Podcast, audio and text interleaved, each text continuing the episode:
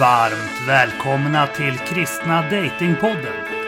En livsstilspodd om kärlek, relationer och sexualitet. Med mig, P.O. Flodström, och mina båda kollegor Silla Eriksson och Lars Gunther. Podden presenteras i samarbete med kristendate.se.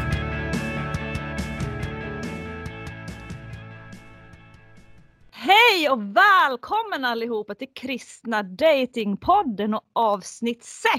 Där vi idag ska snacka om just sex. Och med mig så har jag som vanligt pastorerna P.O. Flodström och Lars Gunther. Och vi har också en gäst idag med oss, Niklas Ferole, som är både teolog och även sexolog. Så jag ser fram emot att få svar på alla mina frågor som jag har om just sex. Hur mår ni idag, vänner? Ja, jag tror jag ska inleda med att hälla upp en eh, whisky här. är det så illa? Sex i frikyrkosfären, vet du. Det, det är Då, be då behöver man en whisky. Behöver du det också Silja? Jag trodde du bara drack champagne. Ja, jag dricker bara champagne. Jag är ju finsmakare, vet du. Ah, säger du det? En finne som. Har du gjort sånt där DNA-test man kan beställa på, på internet? Är du säker på att du är finländska? jag är finlandssvensk faktiskt. Men man ska inte förväxla det med att vara finne. Finnar pratar finska och eh, finlandssvenska är svenska. Jag vill betona att det finns en liten kulturskillnad där. Ja, och någonting lite läspande över essen ifall det är en finsk dialekt Silla och inte bara ett talfel du har. Vad sa du? Essen? Nej, vadå? Tjur, tjuka, på köpet Shanghai. Jag gillar ju att tjuta, förstår ni. Det är, ja. Men hur har ni haft det? P.O. vad har hänt i ditt liv den här veckan? Eh, det har varit lite så här eh, en upp och ner vecka. Du vet hur det är med årsdagar och sådär. Första året så Mm. blir det extra tungt när allting är första gången. Så, Mm. eh, och storhelger generellt är liksom Ja. tunga så. Så, så Mm. är det. Men jag har klippt, jag har klippt mig idag. Jag, Ja, men gud, jag såg någon riktigt snygg bild på Facebook här. Du, du, ja, det var väldigt snyggt faktiskt. Ja, min vanliga Mm. frisör, han var, hade gått på semester. Så hans båda kollegor, de, de tyckte det var mina instruktioner eller önskemål var jättekonstiga. Så de, typ, hon, den frisören som var fick hämta sin chef och sen klippte de mig tillsammans. Så det var en liten annorlunda. Ah, men nu kommer tjejerna springa efter dig, för det var väldigt snyggt P.O. Ja, men det Mm. eh, Ja. förväntar jag mig att du som min wingwoman eh, ser till att de gör. Får man fråga årsdagen för vad då? Jag hänger inte med där. Vad sa du? Eh, årsdagen för vad då? Eh, nej men det, det var tre år sedan vi flyttade in här i Borlänge. här i, i, idag och igår. Eh, och så. Eh, och det var liksom början på slutet på något vis utan att eh, Okej. jag visste om det då. Samtidigt som när vi flyttade in här så var det ju liksom vi köpte huset för att det ligger väldigt nära ett dagis och att det skulle passa att eh, vad heter det, raise a family in eller vad man ska säga. Och att vi skulle bo här liksom tills Ja. barnen var vuxna. Okej, Mm. då förstår jag. Yes. Just. Dag för dag. Ja, Ja, Lars då? Men- Har du grillat Ja. med? ja Lars då? ja jag grillade hamburgare alldeles nyss och åt den tillsammans med min fru. Så att eh, jo då. Murikan är det framförallt som går varm nu. Vad är IT-pastorns bästa så här, grilltips och hamburgertips? Bäst alltså. Gillar Bäst. du fundamentalistiska burgare eller är du mer som Peter Halldorf för att du vill ha traditionella burgare? Oj, ja, jag har ju svårt att se hur med översätta detta till eh, börjarnas värld. Ja, men jag, jag, jag är nog någon som min stora grej är att jag vill ha stekt lök. Alla andra kör rå lök. va, Mm. men Jag vill ha stekt lök på min burgare. Men det är jag ensam om i familjen så jag vet inte om det är ett tips eller inte. Va? Men Ja. Ifall, ifall Philadelphia församlingen i Knutby hade varit en burgare, vad hade det varit då? Hade det varit en sån här veganburgare då? Eller, eller vad, vad tror ni? ja, det här varit en bajskorv. en backkorv, okej. Ja. Något helt annat. Något helt annat. Ja. Ja. Ja. Ferole då? Vad är dina grilltips? Jag tänker det här avsnittet kommer ju nu här mitt i när folk ska gå på semester och sådär så att vi kan få in. Ni kan, ni kan få lite eh, importerade grilltips. Jag, jag tycker att Mm. när man grillar i Sverige så har man på tok för lite värme. Va? Mhm. Du vill ha att det ska vara riktigt hett alltså? Jajamän. Ja, jag förstår. Mm. Och, och, och Silla, du förstår ju varför jag tycker att den här frågan om hur man grillar är viktig att ta upp nu när du är med här. Ja, men jag förstår. Vi vill hö- höja temperaturerna från början. Mm. Nej, jag tänkte mer på ditt Facebook-inlägg här från helgen där Jaha, okej. jag såg att du hade, hade lite utmaningar kopplat till det här med grillning. Ja, just det. Ja, nej, men precis. Jag skulle ha ett gäng eh, män över och grilla här en kväll. Ja, men precis. Det stämmer. Ja. Och sen så undrade de vad det var för grill jag hade och jag är liksom, ja men vadå, alltså jag har en ehm, grill, säger jag då. Och sen fem minuter senare så kommer ett sms. Har du eld? Och jag bara känner att jag lever plötsligt upp till alla liksom, fördomar män har om kvinnor. det är inte ofta det Ja. händer, men ibland. Ja, jag måste bara få ställa en till grillfråga. Föredrar ni el, gasol eller kol? Jag är ju, jag är ju så här kol fundamentalist och då menar jag inte fundamentalist på det sättet Lars skulle använda begreppet om den 1800-tals teologiska rörelse utan liksom så här. Jag, jag är totalt svartvit. Kolgrillat, annars får det vara. Jag Ja, var jag gillar också det. Jag Mm. började vandra mycket. Så nu gillar jag gasol för det kan du ha med dig lätt. Okej. Och jag som sagt kör ju Murikan då. Alltså att, eh, men jag Mm. har en, en grillpanna på Murikan som ger mig den här räfflade ytan. Men Mm. annars när det gäller grillar så får jag säga att jag föll till föga och körde gasol ganska länge.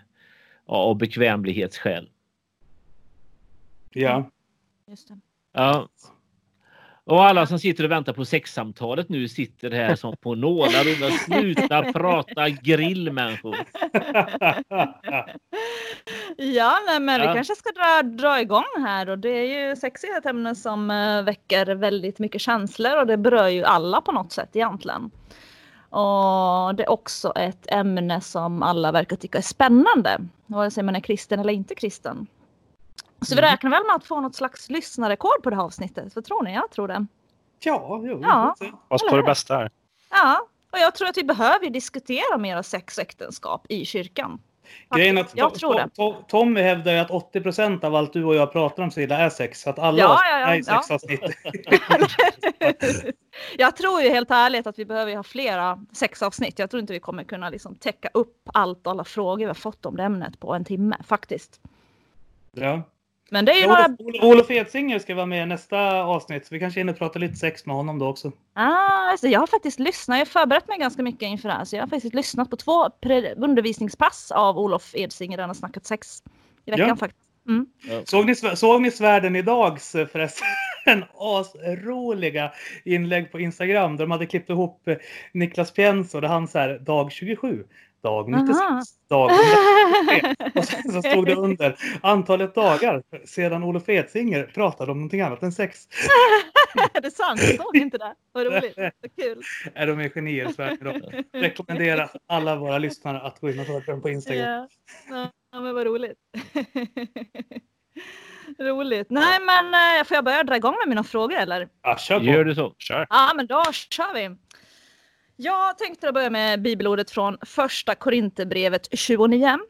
Och där så står det så här. Men om de inte kan behärska sig så bör de gifta sig. Det är bättre att gifta sig än att brinna av åtrå. Och då undrar jag så här, alltså jag brinner ju då av åtrå rätt ofta om jag ska vara helt ärlig. Eh, speciellt om jag då dejtar någon kille som ja, men jag finner väldigt attraktiv. Alltså betyder det här då att jag liksom ska ta saken i egna händer och gå in till guldfynd och liksom köpa ring och fria på studs sådär då?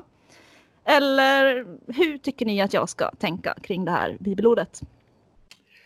Om jag får börja, alltså Josef Bergdahl som är en eh, älskad och omtyckt predikant inom kanske framförallt EFK-kretsar. Han hade ju ett råd till sina studenter på Örebro teologiska högskola och det var ifall ni, nu ska jag försöka imitera hans dialekt, ifall ni träffar någon och blir, nej jag kan inte imitera hans dialekt. ifall ni träffar någon och blir kära och kan hålla er från att hoppa i säng inom loppet av ett halvår, då kan ni lika gärna skita och gifta er. Gift er direkt ungdomar! Hans- Okej, allvarligt.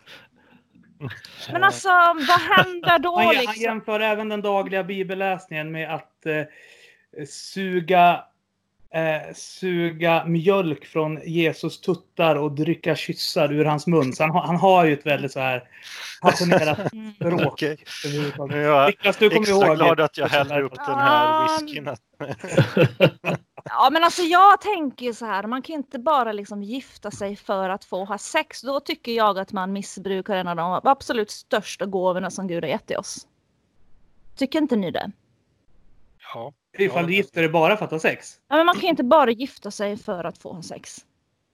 Nej, och det tycker jag är problemet med, hur ska man säga, samtidskulturens syn på kärlek och relationer överhuvudtaget, att den är konsumistisk och att eh, Mm. man har tappat den här förbundstanken. Alltså på samma sätt, eh, ifall du och jag Silla skulle starta ett företag tillsammans, då gör vi, vi en, Mm. överensk- alltså en överlåtenhet till varandra om att Mm.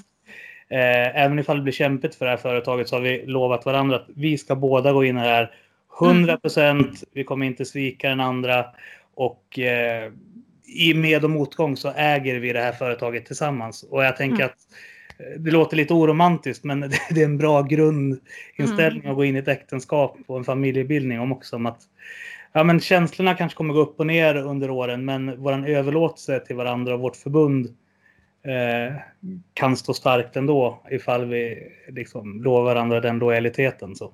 Mm, mm. Precis. Men alltså vad, vad händer då när begäret efter sex blir så stort att vi liksom väljer att ingå äktenskap bara för att få ha sex? Alltså jag har en del människor i min omgivning som har fallit just för det.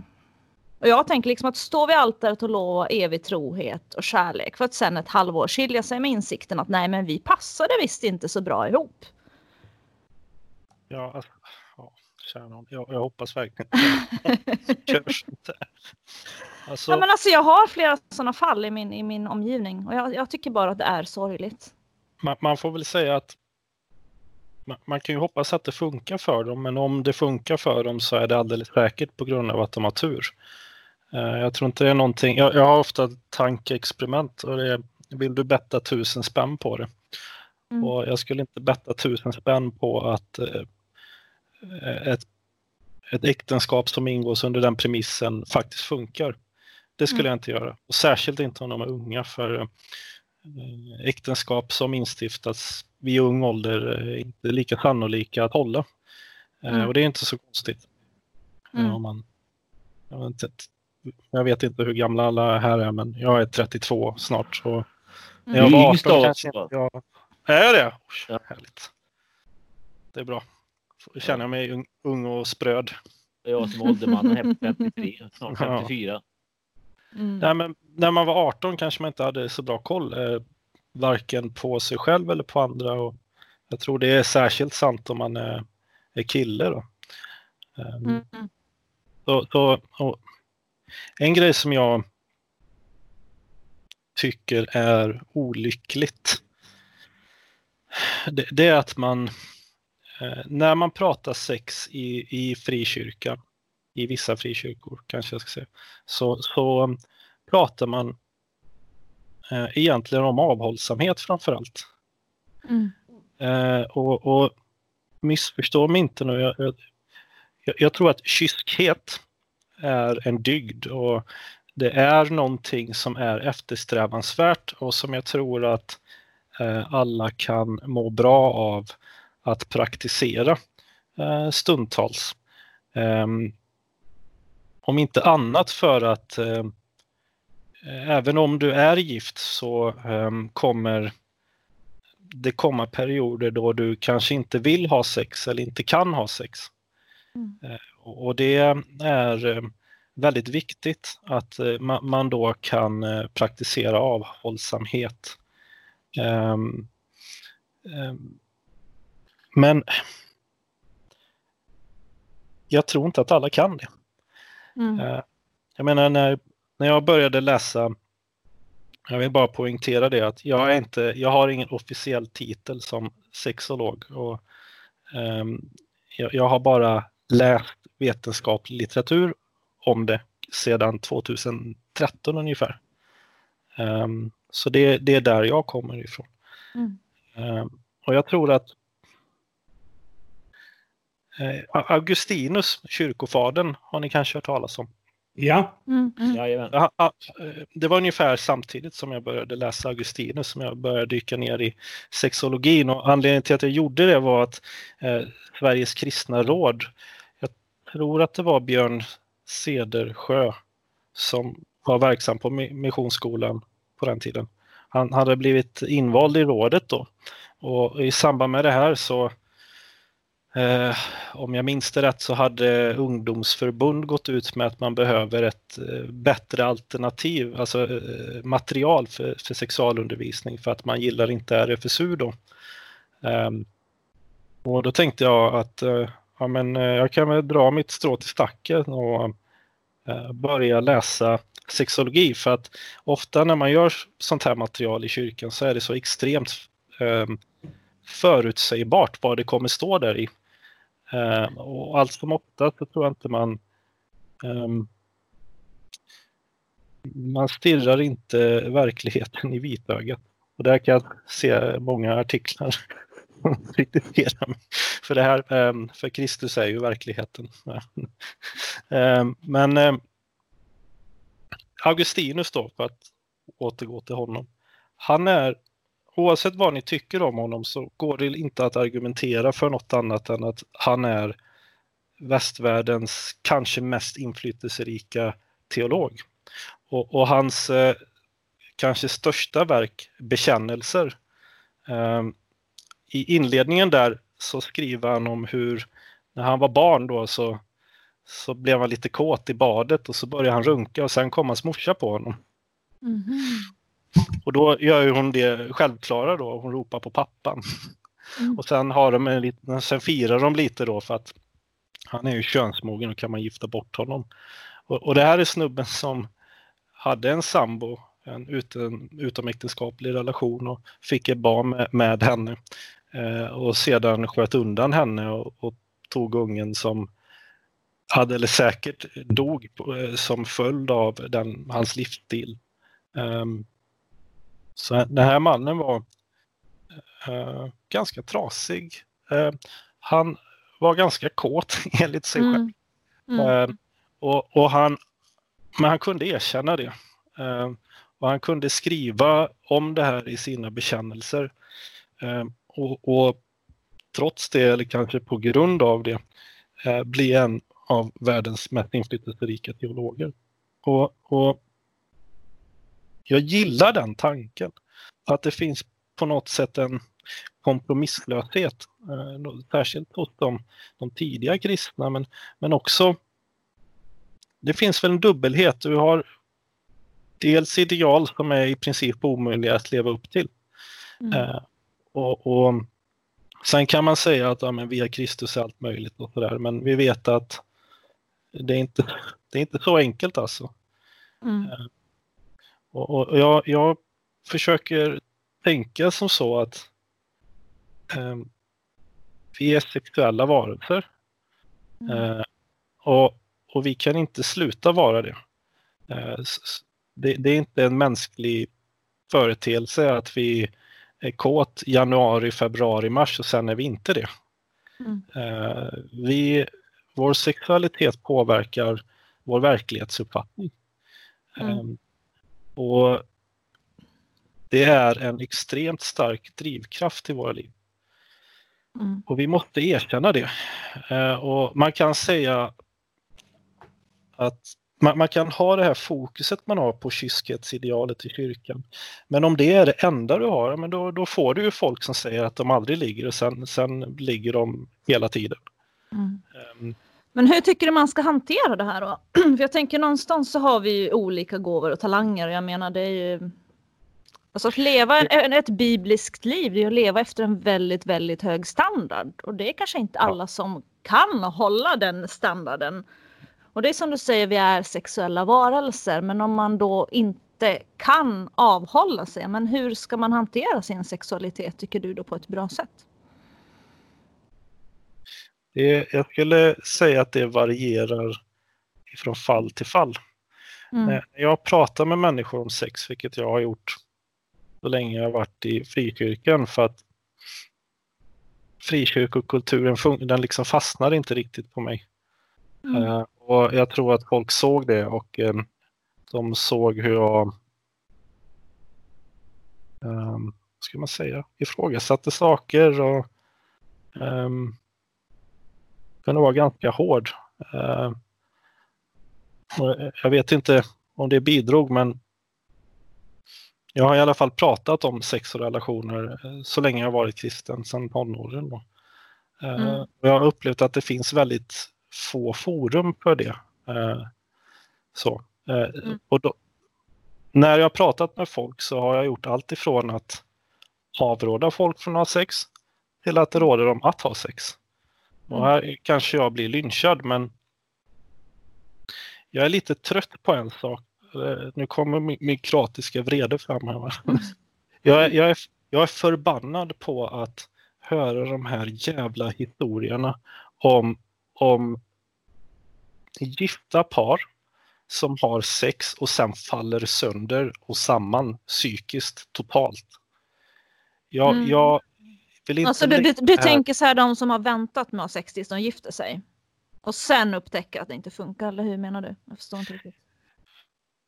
Det visar sig då att om du fokuserar på att du inte ska ha sex i hela ditt liv mm. eh, och du skambelägger det och du har jättedålig undervisning i stil med äppelskrutt-liknelserna och sådär.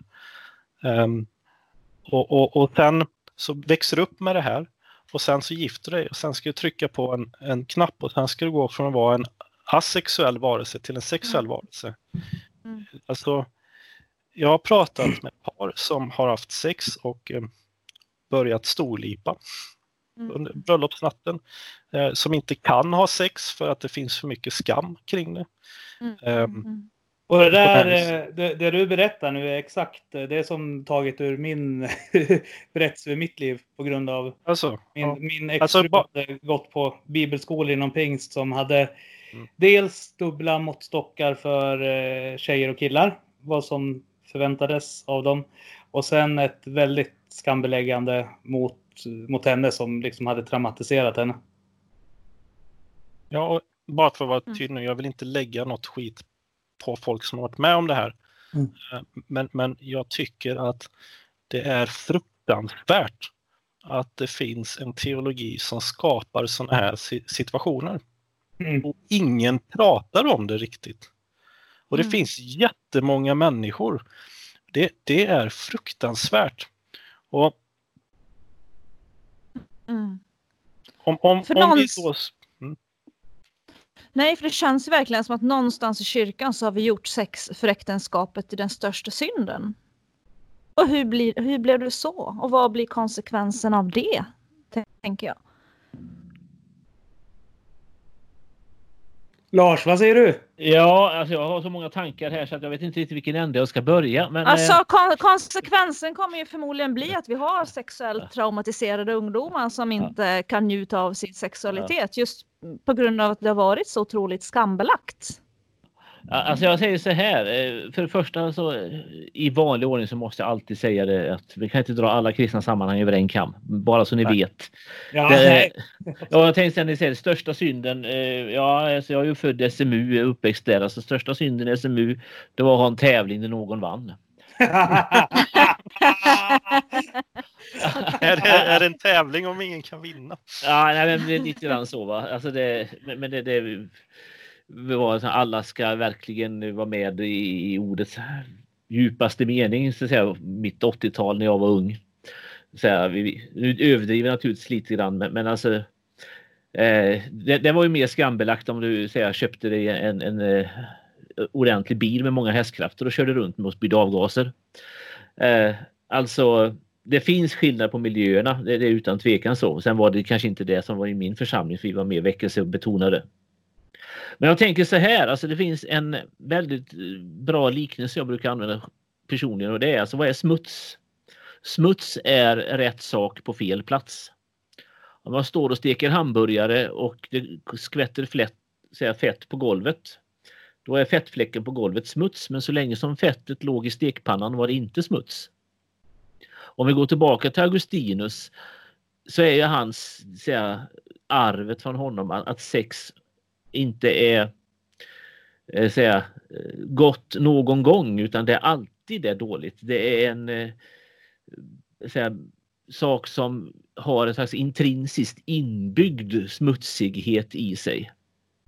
Eh, och, och, då blir det naturligtvis otroligt svårt att, att, på något vis prata om det här på ett sätt som både bejakar att det finns eh, en, en god gåva i, i detta.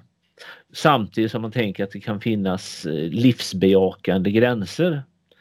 Eh, för jag har så att säga, en annan eh, del av detta och det, det är de undersökningar som visar, bland annat en vän till mig som heter Lars-Göran Sundberg har visat att kyrkliga äktenskap är som regel mer lyckliga äktenskap eller man säger, mellan kristna hållbarare och man upplever större kvalitet i sina äktenskap. Därför att eh, i sammanhang där man värderar äktenskapet högst så, så, så, kämpar man också för det och satsar på det på ett annat sätt. Det skiljer sig också. Så att, nästan samma utsträckning. utsträckning va? Ja, det har krympt så att säga.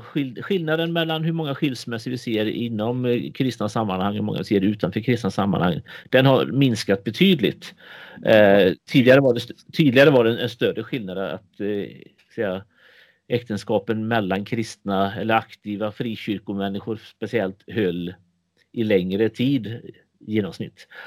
Ja, eh, ja men tid är inte så intressant. Men, nej. men Nej, men alltså också, också, också upplevelsen av kvalitet inom äktenskap de undersökningar som är gjorda. Ja, men hur många procent snackar vi? Är det några procents skillnad eller är det massiv skillnad? Ja, det kommer jag inte ihåg i huvudet. Ja. Det, och det varierar väl lite också från land till land. Den här undersökningen har gjorts på olika ställen. Jag har en fundering angående det du pratade om eh, positiv kontra negativ syn på den mänskliga sexualiteten. Eh, för jag har tjejkompisar som har hängt på kristendate.se som beklagat sig över att eh, eh, många killar som verkat vettiga teologiskt, det här är ganska konservativt orienterade tjejkompisar, eh, har visat sig vara killar som tror på white marriage. Och då vart jag så här, finns det i Sverige? Alltså så här, White alltså, marriage? Alltså, ja, alltså, alltså för, mig, för ni... mig är det också så här någonting obskyrt som bara existerar i USA. Liksom. Att det skulle vara en grej på KD. Alltså så här, att det är en fråga som dyker upp på kristen dejt och det är inte bara en kille eller två eller tre. Ja, men PO, för mig nu som inte är jätteinsatt då, white marriage, förklara vad är det för någonting? Eh, alla, kanske alla som vet vad det är för något. Det, det, det tror jag, skulle, det, jag tror det är definitionen av eh, skärselden för dig. Eller helvetet kanske. Jag vet. Alltså, alltså white marriage, det är ett äktenskap där du bara har sex när syftet är att producera barn. Ooh, oh my god. Det låter Finns som ett väldigt tråkigt äktenskap. Oj, oj, ja, verkligen. Jag håller verkligen med dig. ja, men, ja, men tydligen så ska det här vara liksom en, en, en trend som, som finns bland unga kristna killar. Ungefär samma unga kristna killar som Eh, inte tror på kvinnliga präster och sådär. Så att det, liksom, det, det är i en väldigt konservativ miljö. Så, men att det ändå är en grej, det, det var för mig förvånande. Men jag tänker, för då har man väl verkligen tagit den här negativa synen på sex mm. och liksom, ja, dragit den så långt du kan. Ja, vi är ju definitivt tillbaka på Augustinus, för det var ju i princip det han sa då. Att eh, vi måste föröka oss som människoart och därför så behöver vi ha sex. Men, men eh, samtidigt så fanns det ju ja, men... dubbelhet. Sån. Ja.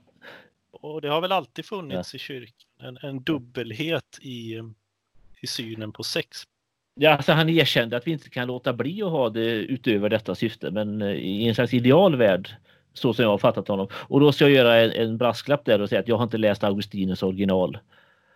Jag började med, ja, började med bekännelser en gång i tiden och försökte läsa på latin dessutom. Jag kom bara några rader in. Magnus ja, ja, ja. es dominet laudabilis valde börjar den. Ja, jag, är ju- jag, jag är ju inte alls med i det här. Alltså jag ser det så här, sex ser jag verkligen som en av de absolut största gåvorna till mannen och kvinnan. Jag, jag är liksom, ser inte ni det så? Jo. Jag ser det, jag ser det verkligen som en gåva. Mm. Jag, jag ser absolut ingenting negativt i det överhuvudtaget. Alltså jag De, brukar, de, de som har den här negativa synen kopplar väl ofta till syndafallet. Just att de menar att sexualiteten är en konsekvens av syndafallet och att därför är den liksom i grunden. jag tror vi nog kanske inte uppehåller oss jättemycket vid de här för de är ändå en, en ganska liten minoritet. Sen dyker Ja. minoriteter upp på nätet i, i där blir de överrepresenterade gärna, det, det vet jag också så att säga. Mm. Mm. Eh, Men, men alltså, jag tror att de flesta av våra lyssnare är nog överens med oss Mm. om att eh, så har man nog inte riktigt tänkt sig att äktenskapet ska vara. Nej. Eh, och, och vi Jag- kan väl jag säga bara- med en slags teologisk tyngd att eh, det här är bullshit. Ja. Ja, nej men hörni, ska vi gå vidare? Vi Alltså, Niklas ville säga någonting. Angående Augustinus då, det jag ville hålla ur det egentligen att en av behållningarna jag hade var att han kunde erkänna hans eh, väldigt starka sexuella begär samtidigt som han erkände att han strävade efter kyskhet. Ehm, och jag tycker vi har vi har tappat det. Hur många, hur många ni kanske har det, jag hoppas ni har det. Hur många har ni hört säga i kyrkan att de eh, dejtar och har sex men eh, de ser kyskhet som ett ideal de vill eftersträva men de kan inte. Det finns jättemånga som är sådana men, men jag har aldrig hört någon säga det och särskilt inte i ett offentligt sammanhang. Eh, och det är vad jag saknar ehm, Mm. i, i dialogen i kyrkan idag. Alltså, Alltså, jag, jag sa, sa ju sådana saker då innan jag träffade Annie och var gift. Så att det är svårt för mig att relatera till det som jag har. Efter det att jag gick tillbaka till pingströrelsen så det tog ett halvår, sen träffade jag Annie ytterligare ett halvår. Så var vi tillsammans. Eh, så att, men men jag, har, jag har liksom varit öppen med det under den period jag varit singel. så att eh, eh, Att du har legat runt. Ja, precis. Eh, och att, Vad hände då? Nej, alltså, det beror på. Eh, vissa ville försöka få mig utesluten medan andra tyckte väl det var bra att jag lyfte, lyfte frågan. Så. Eh, och sen så handlar det om också att jag gillar inte att... Eh, alltså så här, hyckleri och dubbelmoral är det värsta jag vet, vilket innebär att eh, om jag har gjort någonting eller gör någonting så gör jag det öppet. Eh, för att ta en parallell, det är jättemånga som är provocerade över att jag vägrar ta avstånd från min tid i antifascistisk aktion. Men det är för att jag tar inte avstånd från saker jag gjort. Jag förhåller mig till dem eh, och försöker lära mig av det som var bra och det som var dåligt och sen så drar jag slutsatser liksom av den samlade summan av eh, de händelserna. Men att hålla på att ta avstånd från saker i sin bakgrund ser jag ingen, ingen vits med. Det är bättre att lära sig av dem och utvecklas. Mm. Ja, men det är väldigt föredömligt av dig PO. Tänk om alla skulle kunna ha den öppenheten och verkligen stå för det man gör och säger och det gör ju verkligen du. Mm. Det tycker jag det är väldigt bra.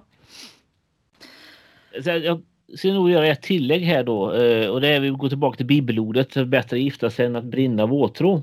Mm. En, en annan obearbe, obearbetad fråga här det är ju frågan om eh, alltså hur ser perioden ut från det att du börjar dejta någon tills du gifter dig i olika kulturer.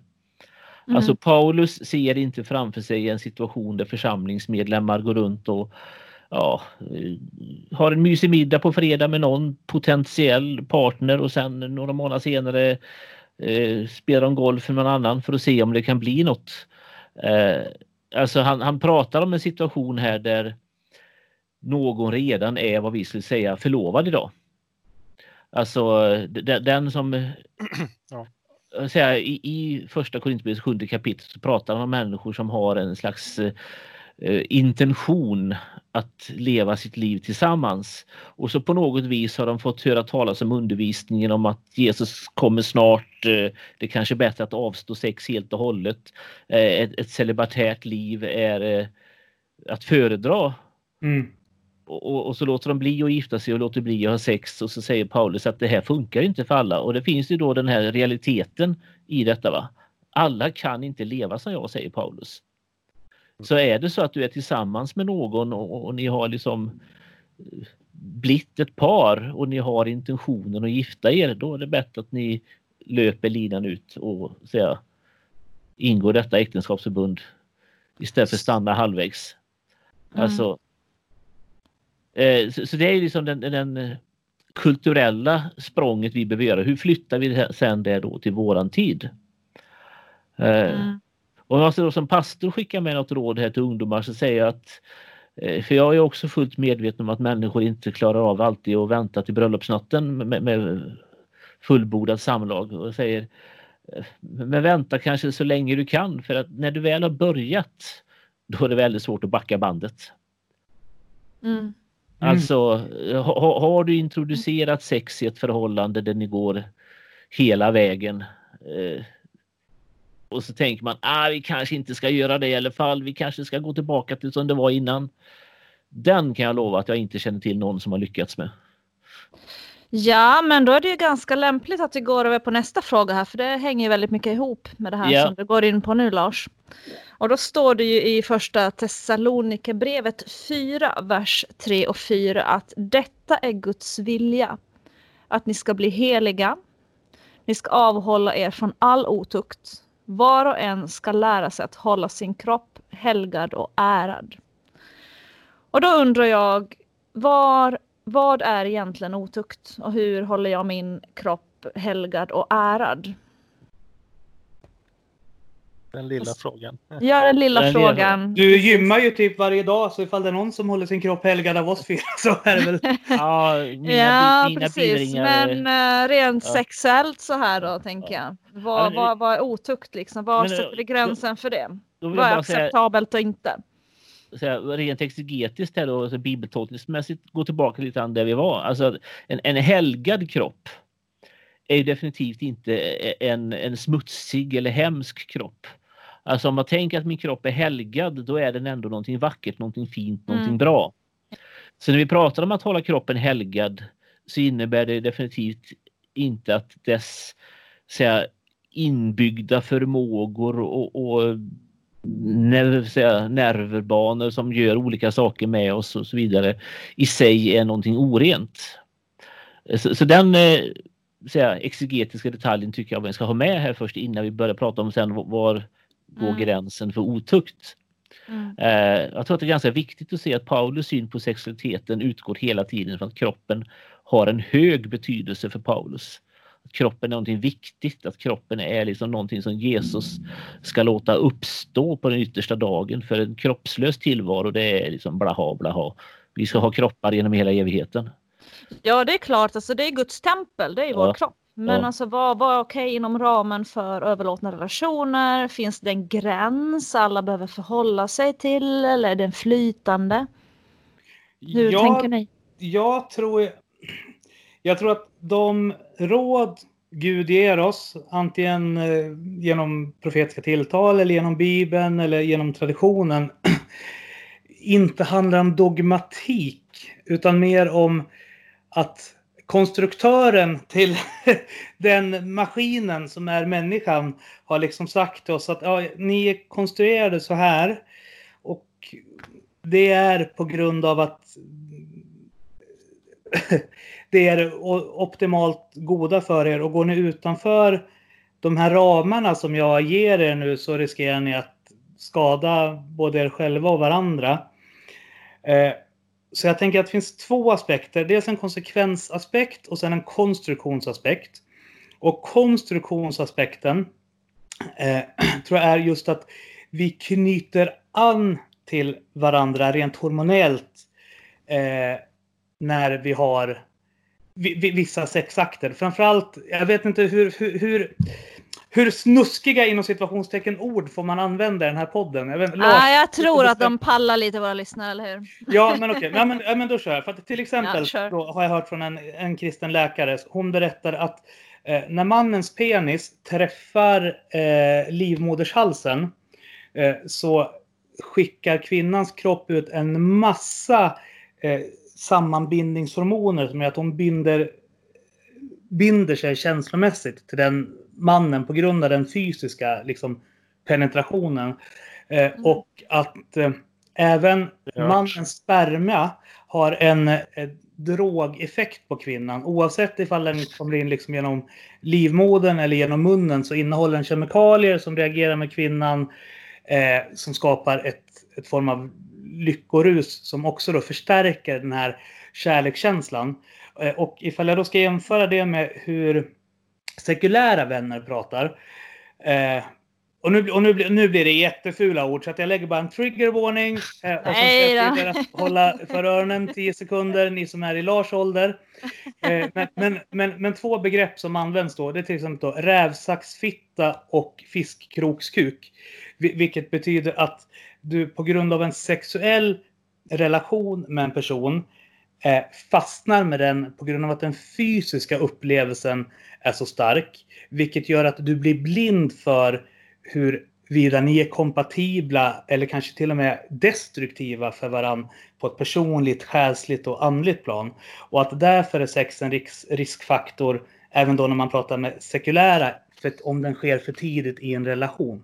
Mm. Eh, och sen, och sen nej, nej, det där, alltså det nej, men, nej, men lugn, du, du, du, du, kan säga emot snart.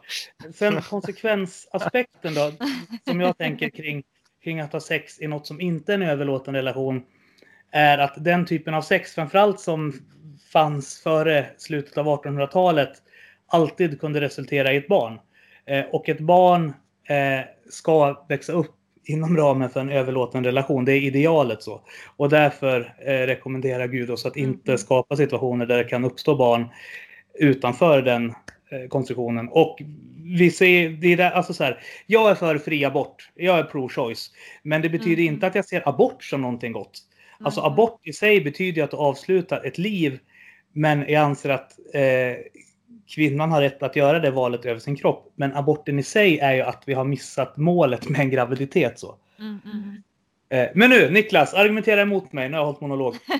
ja, alltså först och främst när att, att beröring av livmoders eh, halsen eller pappa, att det skulle jag, jag, har aldrig läst något sånt där. Jag, jag, jag, och det här med att sperma skulle... Det, det, det finns det en viss, eh, viss evidens för att det är en cocktail. Men kvinnor funkar faktiskt inte så i regel.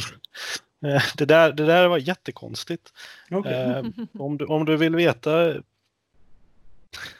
lite mer kanske evidensbaserad forskning ja. som är mer gedigen så vill du kolla på Loanne Brissendine som är um, hon var en en rabiat ultrafeminist, men hon var den här generationen av feministerna som var lite mer vettiga.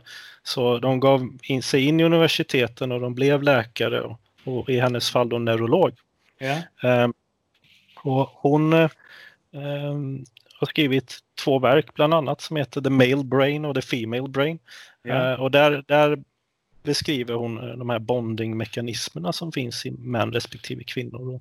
Ehm, de är ganska olika. Eh, e-, enligt henne då så eh, kan man se den här typen av bonding, neuronerna sätta igång i hjärnan hos en man efter orgasm, men hos en kvinna vid samtal. Mm. Ehm, så, så och, och visst, jag menar inte att sex inte har en emotionell aspekt. Jag tror, jag tror eller bra sex har en emotionell aspekt. Så ska jag säga. Eh, men det, det där drar det lite för långt. Skulle du säga att det är fromma faktaoider som reproduceras i frikyrkomiljö? Du får ta det en gång till. Jo, alltså är det liksom en så här. Det låter fromt, och därför vill vi tro att det är sant. Och därför har någon ungdomspastor ja, sagt det någon gång och sen så har det liksom reproducerats i, i vår miljö. Så. Typ så. Men låt, låt, alltså det, det jag tror det jag tror den egentliga frågan här är hur ska jag veta att den här personen som jag aldrig haft sex med, eh, att vi funkar i sängen? Eh, jag tror att den berör det i alla fall, eller missförstår jag det? Eh, jag tror att frågan här är varför det är bra gränsen, att vänta liksom? med sex tills ja. den överlåtna relationen. Alltså huruvida sex kan förändra och skapa falsk ja, samhörighet. Så, ifall, ifall, det, ifall det kan ha den effekten. Jag skulle säga att eh, ja, det kan ha den effekten, men det motsatta kan också ha den effekten. Det är klart det kan. Men du måste tänka på att vi, vi, är, vi är människor och vi är sexuella som tusan. Um, och att ha en relation, eh, särskilt en intim relation, nu menar jag inte sexuell men intim, Ja. eh, med en person. Alltså hur länge, vad ska vi ta för, för snitt? Hur länge, hur länge har man en relation innan man är gift? Det beror på. I, tänker du i kyrkan Halvår. eller utanför kyrkan? Nej, men bara, bara i kyrkan. Mm. För, för, tro, tror ni inte att den... Ett och ett halvt år? Två? Ja, Ja, Silla ett- ska vara gift före nyår har vi sagt här va? Så det är Ja. ett år. Ja, nice.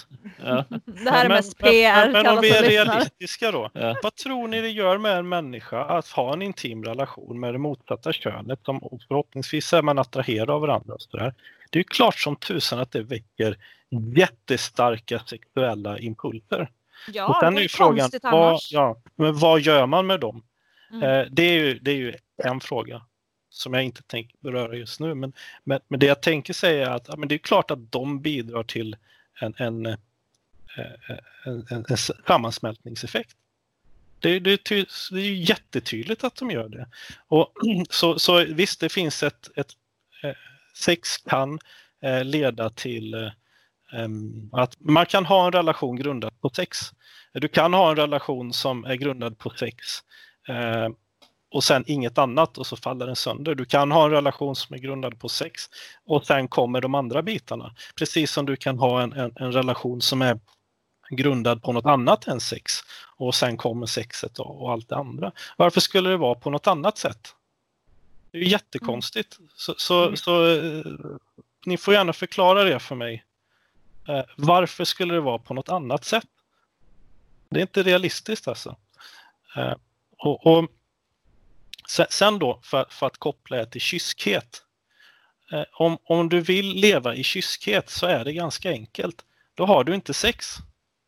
Och, och om du gör det på ett, ett bra sätt så lär du dig inte att förtrycka din sexualitet, för det är, det är katastrofalt. Du lär dig att, att kanalisera det in till någonting. Eh, någonting konstruktivt. Eh, och det kanske låter väldigt esoteriskt. Eh, men det är möjligt. Jag, jag är en väldigt arg människa. Och jag har lärt mig att kanalisera min ilska till någonting väldigt konstruktivt. Det är en drivkraft i mitt liv och man kan göra detsamma med sex. Ehm, men om du vill leva ett kyskhetsideal, ha inte sex. Då är det inte frågan om gränser. Men Eh, vad, vad, är, vad är, alltså otukt, är det samma sak som kyskhet? Jag, jag, jag tycker mig se det i texterna, när, de här texterna, va? Att, att allt före äktenskapligt sex. eh, Ja, men och då undrar jag så här, vad är sex? ja, Vart jag drar vi gränsen för det? Det tycker jag är intressant. Personligen är, skulle jag säga att allt är sex. Allt är sex. Petting, är det sex? Det är bara Ja. lite mys, eller? Jag tycker det är sex. Så om man på något Och om du vis... till- frågar mig, så är det sex. Det Så man definitivt på något sex. sätt liksom tillfredsställer varandra sexuellt, då är det sex. Nej, det sa jag inte. Eh, Men eh, för att det inte är så tydligt hur man kan tillfredsställa varandra sexuellt.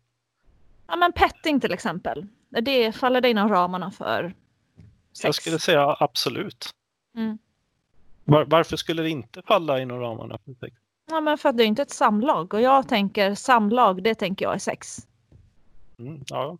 ja, enligt den definitionen stämmer det ju. Men att, att, att alltså vad, vadå, så, så får jag vara vulgär? För jag, jag är ganska vulgär. Ja absolut. Jag har ju redan sagt både rävsaxfitta och... Så, så och, och, om jag ligger i, i, i, i sängen och hånglar med en tjej och hon runkar av mig, är inte det sex? Eh, jag tycker inte det. Varför det? För att det är inte ett samlag. Jag tycker att Ja. ett samlag är sex. All right. Det, är, fa- det faller mer in, inom ramarna för mys. Massage kanske? Nu, Många, jag- många muslimer håller ju med dig Silla. så att, det, jo, men alltså, jo, men alltså, både tjejer och killar och så. Att, för att inom många som följer av islam som jag har pratat med, alltså, de har ju analsex innan de gifter sig på grund av att det är inte är sex för dem. Ah, analsex tycker jag dock är sex, men... eh, Varför det? Alltså, men, eh, mm. Men, ska- men, men det jag vill komma åt är att det blir ju till slut så klyver du hårstrån i sådana här debatter. Och, och jag tror att om, om du tar reda på liksom, vad är kyskhet, hur har det, alltså de mer sunda varianterna av kyskhet och hur det har praktiserats eh, i kyrkan som en, en dygd, då, då börjar du eh, komma djupare i visheten.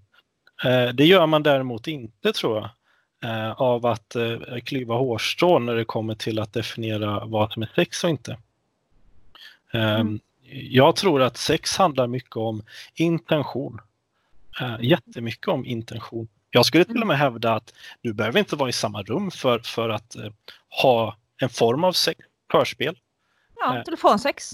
Mm. Ja, ja precis. Ehm, och, och, ehm, det skulle jag också säga hör till sexet, även om det inte är själva eh, fullbordandet av akten. Mm. Och det, det faller definitivt, alltså om du, om du tittar på vad kyskhet är och Så det är allt som skapar någon slags åtrå kan man då egentligen lägga inom ramarna för sex?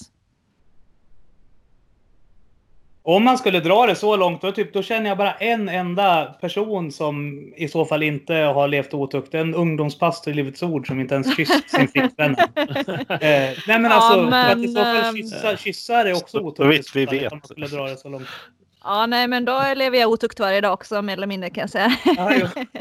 Ja, det, här kanske då led, det här kanske då leder in oss på vår sista fråga här. Nej, jag, jag, jag säger innan vi lämnar den här frågan. Ja. Säga, eh, om vi då pratar om bibelordet så Mm.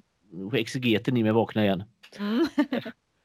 Eh, alltså vi ställer lite fel fråga nu. Vad är sex? Mm. Alltså, alltså den, den frågan var liksom inte riktigt vad som var Paulus baktanke att, att håll er borta från allt som är sex. Alltså han, han menar snarare håll er borta från en sexualitet som handlar om eh, här, utnyttjande, egotrippning. Alltså romarriket var eh, perverst rike med eh, Alltså om vi ska prata kulturella bakgrunden här. Alltså var en, en romersk man som hade sex med, med sina slavar. Det räknas inte som äktenskapsbrott för det var hans egendom. Mm. Däremot kan han inte ha sex med sin grannes hustru för det var ju grannens egendom så då var han inne på hans tassemarker så att säga. Eh, Mm. När han kunde gå till en prostituerad utan att det räknades som eh, säga, felaktigt beteende i romarriket. Att Mm. besöka en prostituerad det var liksom som vilken sak som helst. Det är liksom lika eh, anmärkningsvärt som att käka knäckebröd va? Eh, i vårt samhälle. Ungefär så var den omgivande kulturen. Mm. Al- Alltså Paulus han säger här, ni, ni behöver bygga en motkultur.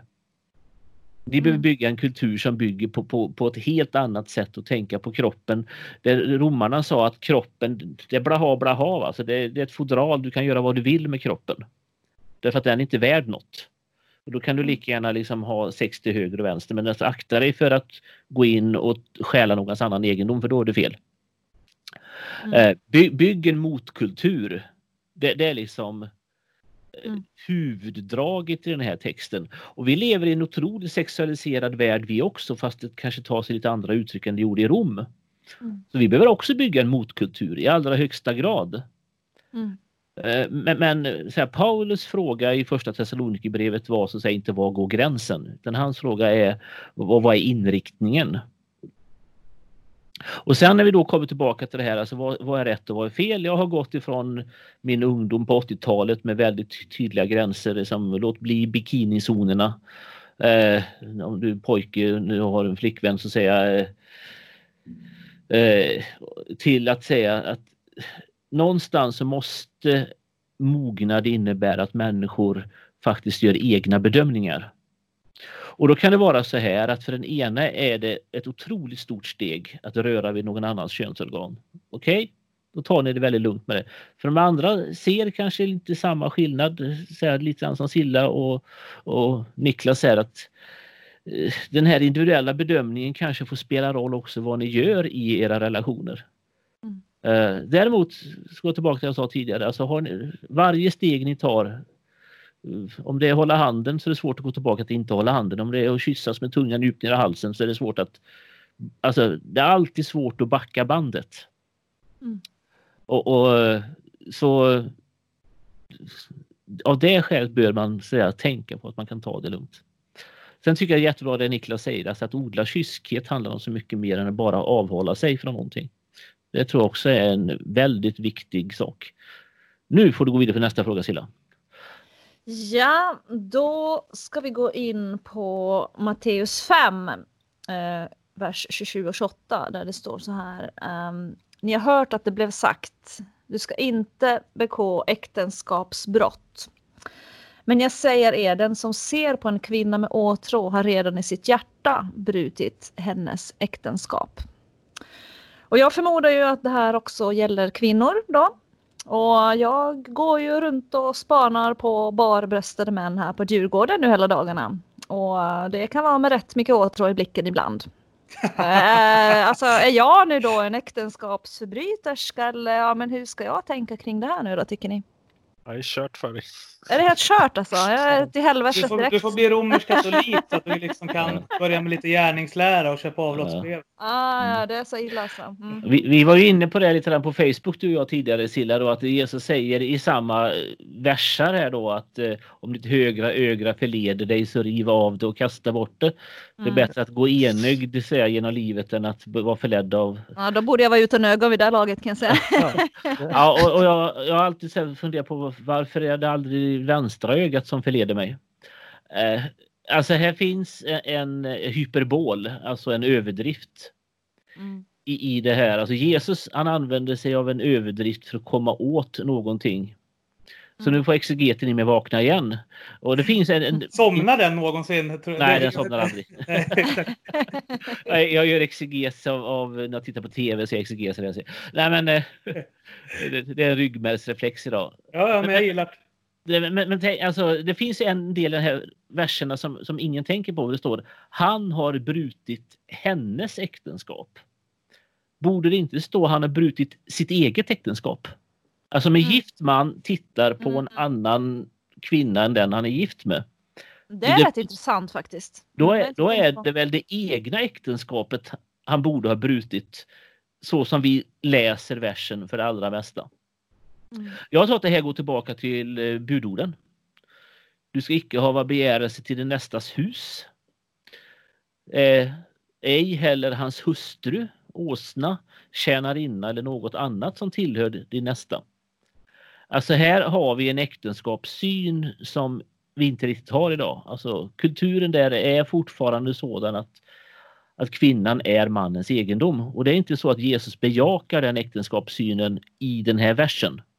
Alltså hans syfte här är inte att undervisa om äktenskap. Men han vill kasta tillbaka en sak till de här fariseerna som utmanar honom. Och säga så han utgår från den äktenskapssyn som de redan har. Och så säger han till dem Märker ni inte att ni bryter mot det sista budet i dekalogen i de tio budorden? Ni har begärelse till någon annans hustru. Ni har redan så att säga klivit in på de domänerna, gjort anspråk på någonting. Därför att redan begärelsen är ett brott mot buden. Mm. Ja. Mm. Jag, jag läser det mer som nästan ett hot. Eh, för för om, om du ligger med någons fru, då, eh, i alla fall i den kontexten, så då, då kommer det ju skapa en hel del problem, eller hur? Och, och mm, så om du bryter hennes äktenskap, då ja, ja, men lite så att det är en bizarr situation. Eh, och en ganska allvarlig situation. Men det talar ju också för att det är en, alltså en rejäl överdrift. Men det säger samtidigt någonting väldigt viktigt. Sen är frågan, kan vi sluta göra det här? Alltså, jag, jag tänker, Mm. det här är inte en exegetisk korrekt tolkning säkert. Så Lars hade kanske gett mig omtenta ifall jag hade lämnat in det här som en inlämning på YTH. Eh, Lars Johansson Kallar det allegorisk tolkning. och, och Boström hade definitivt gjort det. Men alltså just det här med att se på åtrå, åtrå i blicken på människor du inte har den överlåtna relationen med. Alltså, jag skulle tolka det eller jag har valt att tolka det i alla fall. Jag kanske är eiseget i det här fallet. Då, att vi inte ska ha en konsumistisk syn på våra medmänniskor. Att vi inte ska se dem som primära objekt att tillfredsställa vår egen lust med, utan vi ska se varandra som jämställda subjekt. Men eh, det kanske är en lite väl ekumeniakyrklig liksom. Ja, men vissa människor liksom känner man bara åtrå till. Det är inte så mycket ja. man kan göra åt det. Sen vet man inte om den personen är gift eller inte. Nej, men det, nej, det, det, det handlar väl snarare om vad man väljer att göra av den åtrå som man känner. Ja, Luther sa ju det att ingen kan hindra en fågel från att flyga över ditt huvud. Däremot så kan du hindra den från att bygga bo där. Liksom. Mm. Så att jag tror också det är vad vi väljer att bejaka. Liksom. Mm, exakt. Och hur vi väljer att bejaka saker. Ja, precis. Ja, återigen, kyskhetsideal. Ja. Mm. På, tal, på tal om kyskhet, alltså vi, vi var inne på det här lite extremen förut, just att så här, den kristna sexsynen även inom äktenskapet var bara sex när vi alstrar barn och knappt det. Och om vi har sex så har vi det missionären under täcket med släktlampa. Alltså det är en fördom som ateister och liksom sekulärhumanister har mot oss. Men, men Silla, liksom, du, vad är grejen med liksom 50 shades of Silla? Den, den framtida Mr Eriksson, alltså han får vara beredd på ett liksom playroom på Sibylgatan.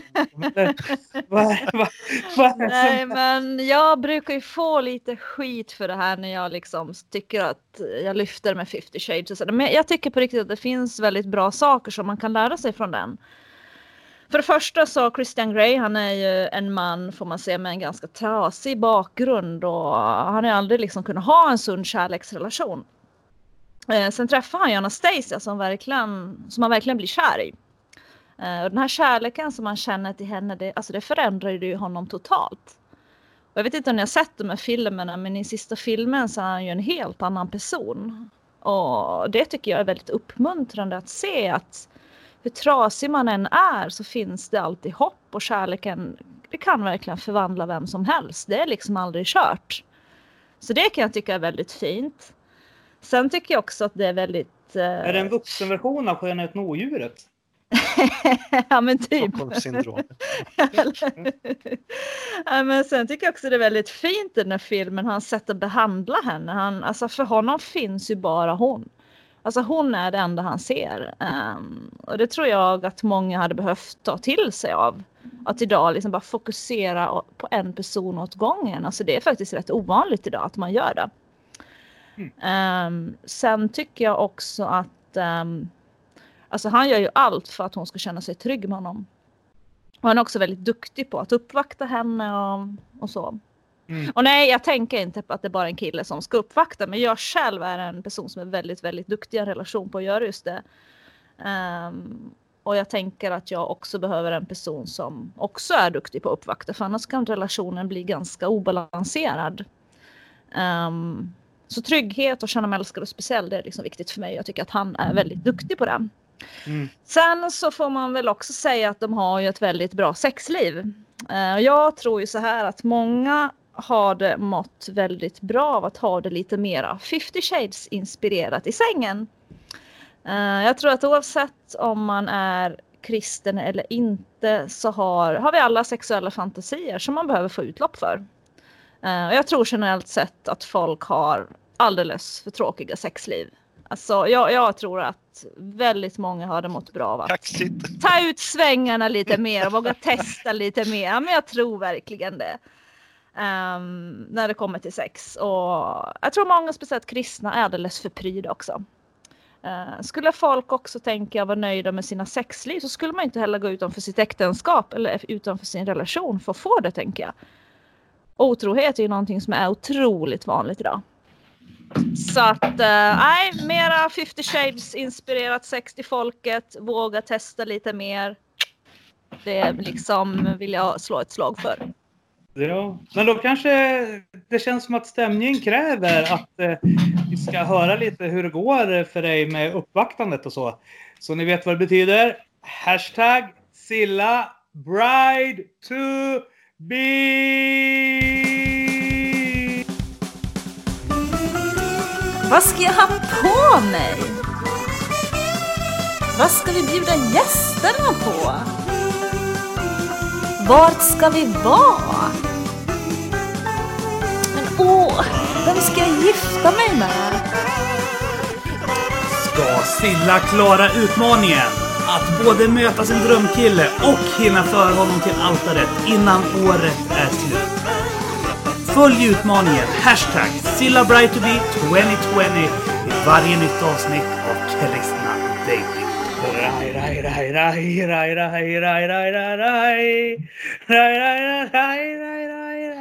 Jag hade raj, hade, hade raj. Hur går det med uppvaktningen Silla Bright to be? Um, ja, alltså ska jag vara helt ärlig hörni så är jag lite bekymrad. Um, faktiskt. Bekymrad igen? Ja, men jag är lite bekymrad. Jo, alltså Ja, men okej, jag ska vara helt ärlig mot er. Så här va. Jag träffade min mentor i veckan. Och eh, jag har en jättebra mentor. Han är, det fina med att ha en extern person så där, och bolla saker med det är att man vet att den personen alltid är ärlig och säger det jag behöver höra, inte det jag vill höra. Eller vad den in, tror att du... Alltså, ja. Ja, men du vet, det, det är mentor vågar, så det blir, ett, blir helt andra samtal. Vänner säger, vågar kanske inte alltid säga det man behöver höra. Ni vet. Um, Ja, men vi, vi kom in ganska mycket på relationer sist vi träffades och sådär. Och så sa han till mig ungefär så här att Silla, du kommer inte träffa någon så länge du letar efter kärleken och en man offentligt Du kommer skrämma bort varenda kille i Stockholm. Och det, här väl, det är väl lite det här jag misstänkt att Eh, jag tror speciellt inom den kristna världen att jag är alldeles för offentlig och det skrämmer bort den offentligheten. Det, människor gillar inte det och eh, man blir nog lite avskräckt av det tror jag, tyvärr. Men alltså... Nej. Alltså, något av det mest attraktiva jag vet är ju en tjej som står på scenen eller hörs, syns, tar för sig, predikar, lovsjunger, vad, vad det nu må vara, skriver debattartiklar. Niklas, Lars, vad säger ni? Jag tycker den här mentorn har fel.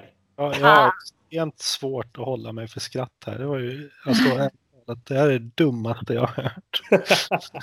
Och det, Ja, men alltså jag tror att det skrämmer en del kristna män för att jag är van att ta plats och ta för mig av livet och det är inte liksom riktigt det man finner attraktivt. Och ska jag vara helt ärlig nu så här så tror jag att um, jag hade varit mycket mer het på den kristna marknaden om jag hade varit dagisfröken och bott i en liten hyresrätt i andra hand ute i Akalla och haft som största intresse att spela sällskapsspel med mina grannar på helgen och eventuellt sjunga ett lovsångsstil i kyrkan på söndagarna. Men kan Då man inte både spela bibelspelet, äta hämtpizza och samtidigt stå på scenen? Alltså ifall, jag, jag har svårt Ja. att se motsättningen här. Nej, alltså. Silla, jag kan ge dig glädjande nyheter. Då, att du, Kan du? är, Gud vad du snäll du är helt ute och cyklar här. Jag är alltid ute och cyklar. Nu, nu, för nu, nu, nu projicerar du va? Och det, du, nu, nu tänker du att killar är tjejer och vi är inte tjejer, vi funkar inte så. Ehm, en, en av de mest eh, välgrundade observationerna om mänsklig sexualitet eh, det är att det finns eh, betydande skillnader som vi föds med som existerar genom kulturella gränser.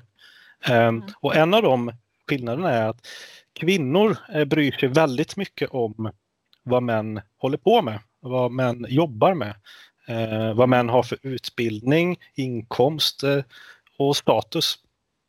Eh, män Mhm. skiter i vilket. Och det finns ett ganska intressant experiment som man har gjort massvis med iterationer av och det är när du tar eh, bilder av personer och så, så får de sätta på sig massa olika kläder liksom så att en, samma person ser ut att vara hemlös, jobbar på McDonalds, vara en VD och så vidare. Och sen får eh, män och kvinnor ratea de här.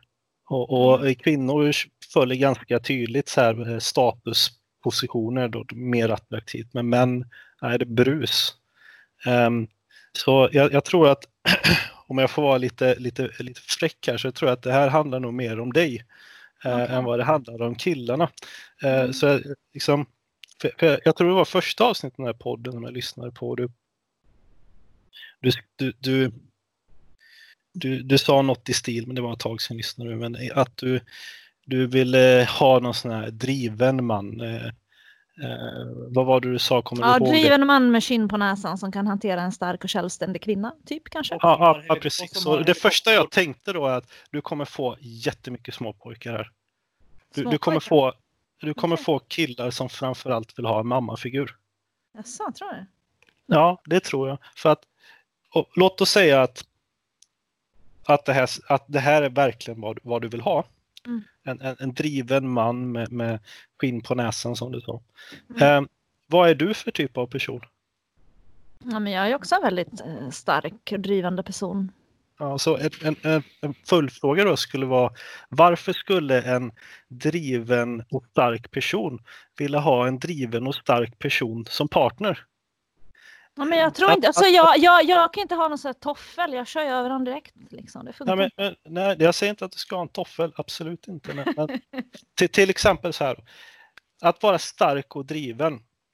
Om vi tittar på vad det innebär. Det innebär att du har en ganska fullsmockad kalender. Ja, just nu är den ganska tom. Ja, det är corona. I, i, I regel så har man mycket för sig, va? eller hur? Och, Ja. och varför vill du då ha en partner som har exakt lika fullsmockad kalender? Ja, men det, det, att det, nej, men det är inte det jag säger. Jag vill inte att han ska ha en överbokad kalender. Det är klart att vi ska ta oss tid för varandra. Det tycker jag är jätteviktigt. Absolut. Men starka och drivna människor eh, har en tendens att vara, vad ska man säga, att ha många projekt för sig. Mm. Eh, och, och Niklas, Så- får jag ställa en fråga till dig? Mm. Eh, nu blir det här anekdotiskt eftersom det inte blir hela bilden så. M- Ja. Men, en, men en sån här, vad ska man säga, brytpunkt i mitt och Annis äktenskap.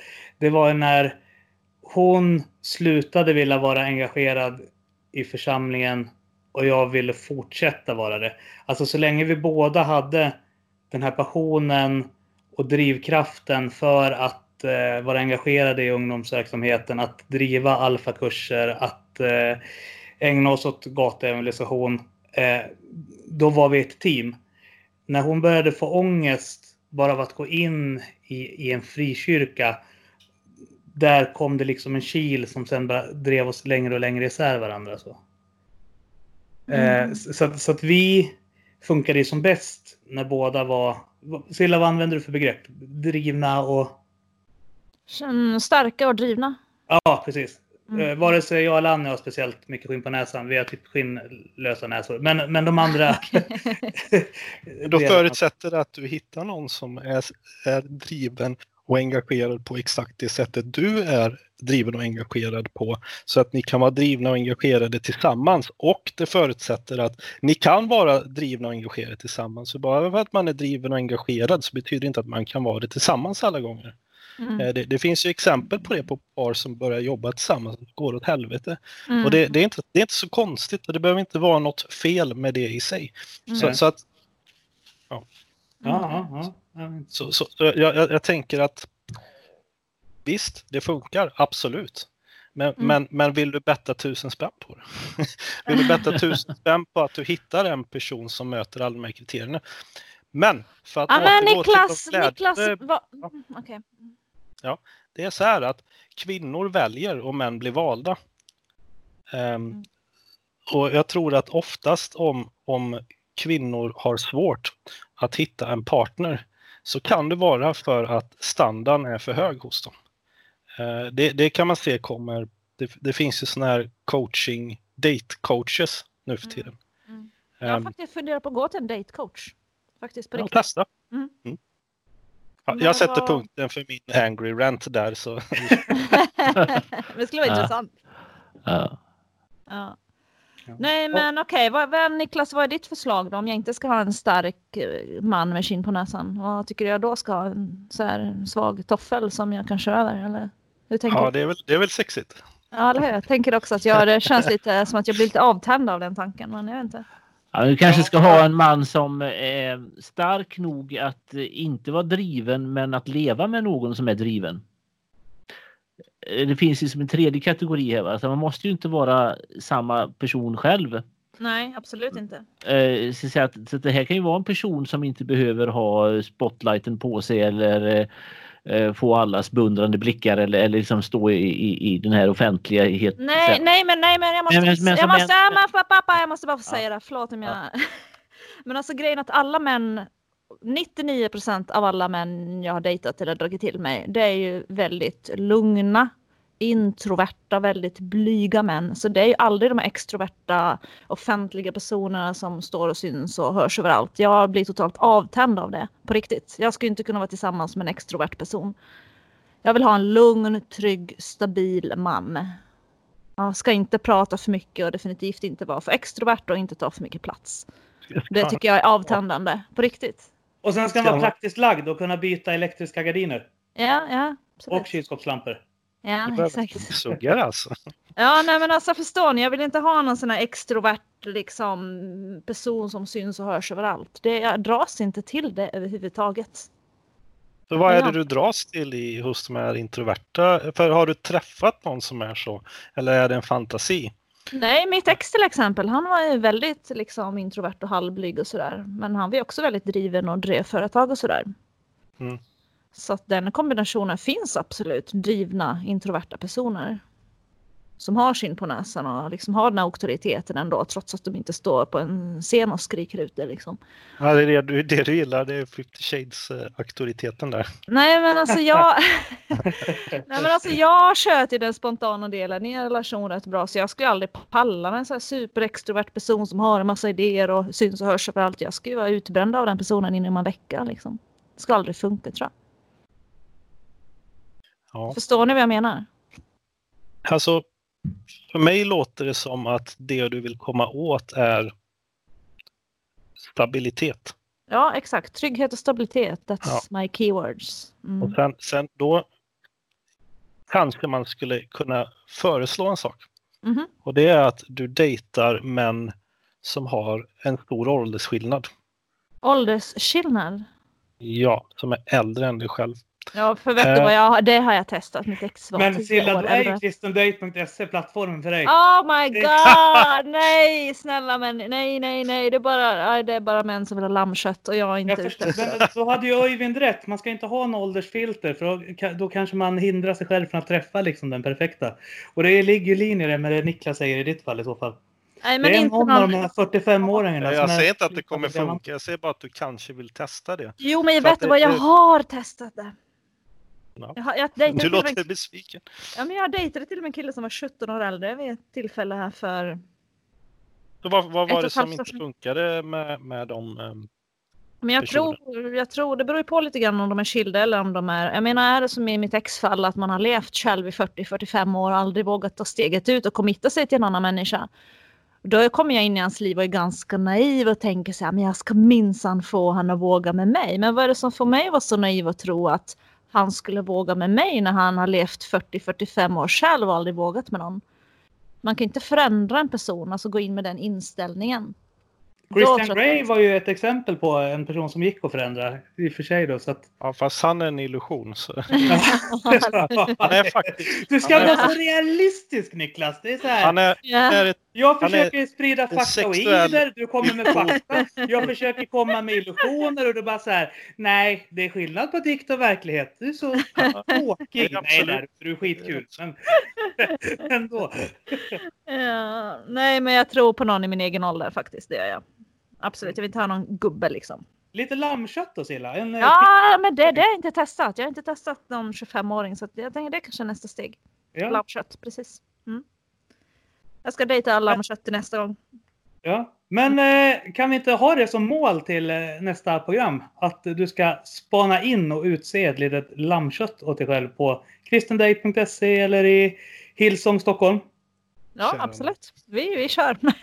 Eh, Så får jag försöka researcha hur de här plattformarna Snapchat och TikTok fungerar åt dig tills dess så att du liksom kan get down with the kids så att säga. precis. ja. waiting for. Yes. Yes.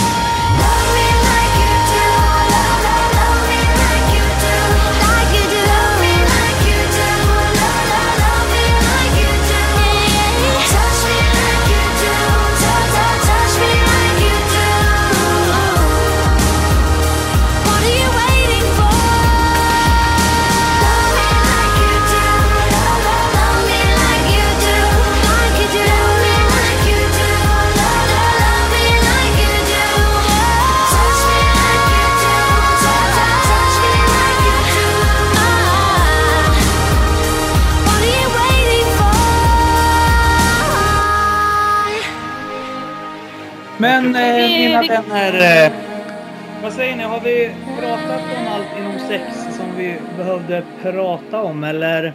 0,2 procent kanske? Nej, nej 0,01 procent skulle jag vilja säga. Vi har väldigt Ja. mycket kvar så jag har faktiskt flaggat för att vi ska köra ett eh, till sexavsnitt. För jag har massor frågor fortfarande. Ja. Men nästa gång så har vi ju liksom Mr Sex som gäst. Mhm. Ja, nej, ja, det låter inte så gladigt. Mr Sex. Vad tror ni Ja. han tycker om Det- den presentationen? Nej, men vi har den stora äran att bli gästade av Svenska Evangeliska Alliansens eh, generalsekreterare eh, Olof Edsinger, eh, lärare på Johannelunds teologiska högskola. Han är ju känd för att han har ägnat sig åt så kallade underlivsfrågor under en stor del av sin karriär. Så. Eh, och eh, nu senast har han haft en liten föreläsningsserie om skilsmässor. Eh, så att vi ska diskutera skilsmässor och separationer med honom. Mm. Eh, inte, Niklas, eh, har du någonting som du skulle vilja skicka med till Olof? Inte på rak arm. Ja. Men eh, du kan väl bara skriva Jag, i jag, jag är fortfarande inne i det här att, att trycka ner mina angry rants om 50 shades här. Så. Ja. Men har du Ja. någon anger rant om skilsmässor? Som... Att det är tufft, det är svårt. Eh, Mm. I vissa fall så är det nödvändigt. Jag har sett eh, personer gå från att vara fullständigt trasiga till att bli eh, funktionella eh, förebilder faktiskt. Eh, på grund av en skilsmässa. Eh, det är inte en lätt fråga eh, alltid om man ska stanna eller om man ska gå skilda vägar men jag har, eh, jag har respekt för, för folk som väljer att eh, gå skilda vägar. För det mesta. Det beror lite på anledningarna. Men Ja. Mm. Eh, och det avsnittet kommer vi ju spela in om två veckor. Vi har ju ambitionen att släppa ungefär ett avsnitt varannan vecka. Eh, men jag blev så eh, gripen av en krönika som min pastor Andreas Skogholm skrev och skickade ut till alla här i Pingstförsamlingen i Målänge som handlade om hur han såg att vi kristna tog på oss masker inför varandra hela tiden. Att vi hade jättesvårt för att visa oss trasiga och sårbara inför varandra. Eh, Så jag har spelat in ett litet sommarprat där jag eh, tänkte gå emot den trenden. eh, Och eh, berätta om de olika faserna i min skilsmässa på ett eh, väldigt öppenhjärtligt öppenhjärtligt sätt. Eh, så att jag tänkte vi släpper det som ett specialavsnitt redan nästa vecka. Det kommer ha en lite annorlunda karaktär än våra ordinarie episoder så. Eh, Så att ifall du vet med dig att eh, du tycker det är jobbigt att lyssna på saker som blir för personliga och ehm, vad ska man säga? Mitt sommarprat kommer vara ganska feel bad. Det är mot så här, Kristna Datingpodden vill vi ju ska vara feel good liksom. Eh, eventuellt så kommer eh, Silla att spela in ett förord och man blir alltid lite glad av Sillas röst. Så att ni får den delen i alla fall. Och sen att Lars lägger in en liten eh, pastoral reflektion efter min utläggning. För att liksom eh, knyta ihop det på ett lite mer ja, men, vad ska man kalla det för, hoppfullt glad ton än vad min sommarpratsdel är. Men lyssna gärna på den specialaren som kommer redan nästa vecka och känner ni att nej, det är sommar, jag vill inte exponera mig själv för den typen av känslor, så hoppa över det. det den kommer inte behövas för samtalet vi ska ha med Olof sen eh, om två veckor. Men vill man ha den lite mer så här emotionella eh, delen av en skilsmässa som ett komplement till den kanske lite mer teologiska tonen vi kommer ha i nästa avsnitt så kan ni lyssna på båda. Lars och Silla, har ni någonting som ni vill eh, knyta ihop säcken och skicka med inför nästa vecka? Nej, men jag Ja. tycker det ska bli spännande. Jag har lyssnat på lite undervisning med, med Olof här om analsex och oralsex och onani och porr och alla sådana ämnen. Så att det ska bli spännande att få prata med honom i nästa avsnitt. Ja. Ja, jag säger bara till alla, ta det lugnt i coronan och så hörs vi. Ja, Jajamän. tack för idag hörni. Superspännande. Verkligen. Och då säger jag som jag brukar göra. Pass!